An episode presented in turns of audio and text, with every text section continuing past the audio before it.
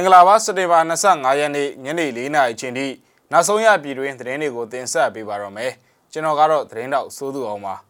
ရန်ကုန်မှာမနက်ဖြန်လျှက်စစ်ဓာတ်လိုင်းတွေခိတ္တပြတ်တော့မယ်လို့စစ်ကောင်စီကကြေညာပါတယ်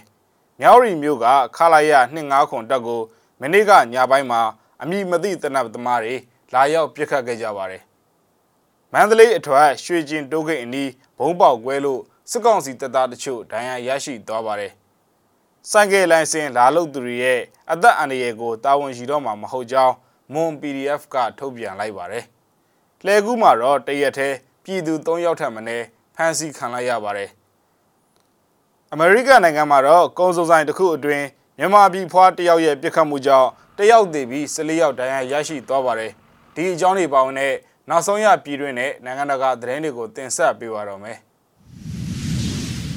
မြန်မာနိုင်ငံမြောက်ပိုင်းမုံကိုပန်ဆိုင်ဒေသတွေမှာစစ်ကောင်စီတပ်နဲ့ကိုကန်တပ် MNDAA တို့တိုက်ပွဲဖြစ်ပွားခဲ့ကြောင်းကိုကန်မီဒီယာကဒေသခံတယောက်ရိုက်ကူးထားတဲ့ဗီဒီယိုဖိုင်ကိုဖော်ပြလာပါတယ်။ဒါပေမဲ့ဖြစ်စဉ်အသေးစိတ်ကိုတော့မသိရသေးကြောင်းဆိုပါတယ်။မြန်မာတရုတ်နယ်စပ်ပန်ဆိုင်ကျူကုန်းမြို့မုံကိုမြို့နယ်လွယ်ကြုံတောင်စတဲ့နေရာ၃ခုမှာစက်တင်ဘာ18ရက်နေ့ကလည်းတိုက်ပွဲတွေပြင်းပြင်းထန်ထန်ဖြစ်ခဲ့ပါတယ်။စက်တင်ဘာ16ရက်ညနေပိုင်း စစ်ကောင်စီကတင်ကားနှစ်စီးအပါအဝင်စစ်အင်အားယာနဲ့ချီပါတဲ့စစ်ကြောင်းကိုပန်ဆိုင်မြို့ရောက်ရှိလာခဲ့ပြီးတဲ့နောက်ပန်ဆိုင်မြို့နယ်ကွဲနဲ့မုံကိုမြို့နယ်ကွဲတွေမှာတိုက်ပွဲတွေတကြောပြန်လဲပြင်းထန်လာနေတာလည်းဖြစ်ပါတယ်ခင်ဗျ။ရန်ကုန်တိုင်းဒေသကြီးတွေကမြို့နယ်ပေါင်း23မြို့နယ်မှာမနက်ဖြန်စက်တင်ဘာ26ရက်နေ့မနက်10:00နာရီကနေမွန်းတဲ့3:00နာရီအချိန်ထိလျှက်စစ်တအားယာယီပြတ်တော့မယ်လို့စစ်ကောင်စီလက်အောက်ခံ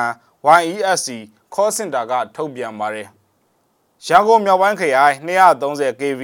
မြောင်းတကပင်မဓာတ်ခွဲရုံနဲ့ဝါတရပင်မဓာတ်ခွဲရုံတို့ကို ထိမ့်သိမ်းပြုပြင်ဖို့9နာရီကြာလျှက်စစ်တအားပြတ်တော့မယ်လို့ကြေညာခဲ့တာပါ။ရန်ကုန်မှာရှိတဲ့မော်ဘီတိုက်ကြီးအုတ်ကန်အဖြောက်မြောင်းတကာလှိုင်းသားယာရွှေပြည်သားရွှေလီပန်းထန်းသပင်ဒလတွန်တေးကော်မူကိုညံကုန်းစေကြီးခနောင်တို့အေးရွာအင်းစိန်မယံကို လှိုင်ကမာရွတ်ကြီးမြနိုင်တဲ့စမ်းချောင်းမြို့နယ်တွေမှာတချို့နေရာတွေမှာလျှက်စစ်တအားပြတ်တောက်မှာဖြစ်ပါတယ်။ရန်ကုန်မှာရှိတဲ့မြို့နယ်တချို့မှာဒီကနေ့မနက်10:00နာရီလောက်ကလည်းလျှက်စစ်မီးတွေပြတ်တောက်ခဲ့ပါသေးတယ်ခင်ဗျ။မန္တလေးအထွတ်မတရားလမ်းပေါ်ရှိရွှေကျင်တိုးဂိတ်နာမှာဒီကနေ့မနက်ပိုင်းကဘုံပေါက်ကွဲမှုတစ်ခုဖြစ်လို့စစ်ကောင်စီတပ်ဖွဲ့ဝင်တချို့နဲ့ပြည်သူတချို့ထိခိုက်သွားကြောင်းဒေသခံတွေစီကနေသိရပါတယ်။ ဒီကနေ့စက်တင်ဘာ25ရက်မနက်ပိုင်းရွှေကျင်တိုးဂိတ်နာကစစ်ကောင်စီတပ်ဖွဲ့ဝင်တွေကိုအဓိကပြစ်မှတ်ထားတိုက်ခိုက်ခဲ့တာဖြစ်တယ်လို့ MSDF မန္တလေးကသတင်းထုတ်ပြန်ပါတယ်။ပောက်ကွဲမှုကြောင့်စစ်ကောင်စီတပ်ဖွဲ့ဝင်တယောက်နဲ့ခရီးသွားသားမိနှစ်ယောက်ထိခိုက်ဒဏ်ရာရရှိခဲ့တယ်လို့မန္တလေးအခြေစိုက် MFP မီဒီယာကလည်းဖော်ပြပါတယ်။စက်တင်ဘာ22ရက်ကလည်းမန္တလေးမြို့ကအောင်စစ်တီစစ်ဖို့လောင်းတင်နန်းအိမ်မှာဘုံပေါက်ကွဲမှုဖြစ်ပွားခဲ့ပါသေးတယ်။ ပြည်သူ့ကာကွယ်ရေးတပ်ဖွဲ့တွေကတော့စစ်ကောင်စီတပ်တွေအပြင်သူတို့နဲ့တပ်ဆိုင်တဲ့အဆောက်အဦတွေအနီးနားမှာမနေထိုင်ကြဖို့ကိုပြည်သူတွေကိုတိုက်တွန်းထားပါတယ်ခင်ဗျ။ထိုင်းမြန်မာနယ်စပ်ကမြဝတီမြို့မှာစက်တင်ဘာ24ရက်နေ့ညပိုင်းကခလာရ25ခွန်တက်နဲ့အမိမသိလက်နက်ကင်အဖွဲ့တို့ပြစ်ခတ်မှုဖြစ်ခဲ့ကြောင်းဒေသခံတွေကပြောပါတယ်။စိန်နိုင်လောက်မှဖြစ်တာအချက်40လောက်ပြစ်ခတ်တံကြားလိုက်ရတယ်လို့မြဝတီမြို့ကန်ကပြောပြပါတယ်။ နှစ်ငါးခွန်တက်အရှိဘတ်ဖျားကုန်းနာကစတင်ပြီးပြစ်ခတ်တံကြားရကြောင်းနဲ့စစ်ကောင်စီတပ်ဖွဲ့ဘက်ကလည်းပြန်လည်ပြစ်ခတ်ခဲ့ကြောင်းဒေသခံမီဒီယာတွေကဖော်ပြပါတယ်။ပြစ်ခတ်မှုအတွင်းနေကြားဆောင်တပ် BGF တပ်ဖွဲ့ဝင်တယောက်ဒဏ်ရာရရှိခဲ့ကြောင်း KIC မီဒီယာကလည်းဖော်ပြပြီးစစ်တပ်ကပြစ်တဲ့လက်နက်ကြီးတစ်လုံးဟာလမ်းတစ်ဖက်ချမ်းရှိဓာတ်ဆီဆိုင်နားမှာကြာရောက်ခဲ့တယ်လို့လည်းဆိုပါတယ်။ပြီးခဲ့တဲ့စက်တင်ဘာ22ရက်နေ့ညပိုင်းကလည်း မြောက်ရီမြို့အခြေဆိုင်ခလာရ25ခွန်တပ်ကိုလက်နက်ကင်တပ်ဖွဲ့တစ်ခုကလာရောက်ပစ်ခတ်မှုဖြစ်ပွားခဲ့ပါသေးတယ်ခင်ဗျ။မော်လမြိုင်မြို့ကပြည်နယ်ကညာနာရုံးမှာစိုက်ကဲလိုင်းစင်လာလုပ်တဲ့သူတွေရဲ့အသက်အန္တရာယ်ကိုတာဝန်ယူတော့မှာမဟုတ်ကြောင်းမွန်ပြည်နယ်ပြည်သူ့ကာကွယ်ရေးတပ်ဖွဲ့ MPDF ကထုတ်ပြန်ကြေညာလိုက်ပါတယ်။အကြိမ်ကြိမ်သတိပေးတဲ့ကြားကလိုင်စင်လာလုပ်သူတွေကိုစစ်ကောင်စီအားပေးကူညီထောက်ပံ့သူတွေအဖြစ်သတ်မှတ်လိုက်ကြောင်းနဲ့ နောက်ပိုင်းမှာအသက်အန္တရာယ်အတွက်တာဝန်ရှိတော့မှာမဟုတ်ဘူးလို့ထုတ်ပြန်ပါတယ်။ MPDF ကမော်လမြိုင်ကညနာရုံးမှာလိုင်စင်လာမလုပ်ကြဖို့ကိုမမော်လမြိုင်ကညနာယုံမှာပြီးခဲ့တဲ့စက်တင်ဘာ22ရက်ကတကြိမ်စက်တင်ဘာ23ရက်ညပိုင်းမှာတကြိမ်ဘုံခွဲသတိပေးထားတာဖြစ်ပါတယ်အဲ့လိုမျိုးဘုံပေါက်ကွဲမှုဖြစ်ပွားပြီးနောက်ပိုင်းမှာလဲစက်တင်ဘာ24ရက်နေ့မှာမော်လမြိုင်ကညနာယုံမှာပြည်သူတချို့ကအစုလိုက်အပြုံလိုက် လိုင်စင်လာလုပ်နေကြဇဲလို့သိရပါတယ်ကညနာယုံကိုဘုံဖောက်ခွဲရတာဟာစစ်ကောင်စီရဲ့ဝင်ငွေရရှိနေမှုကိုဖျက်တောက်ဖို့လှုံ့ဆော်ရတာဖြစ်တယ်လို့လည်းမော်လမြိုင် PDF ကထုတ်ပြန်ထားပါတယ်ခင်ဗျ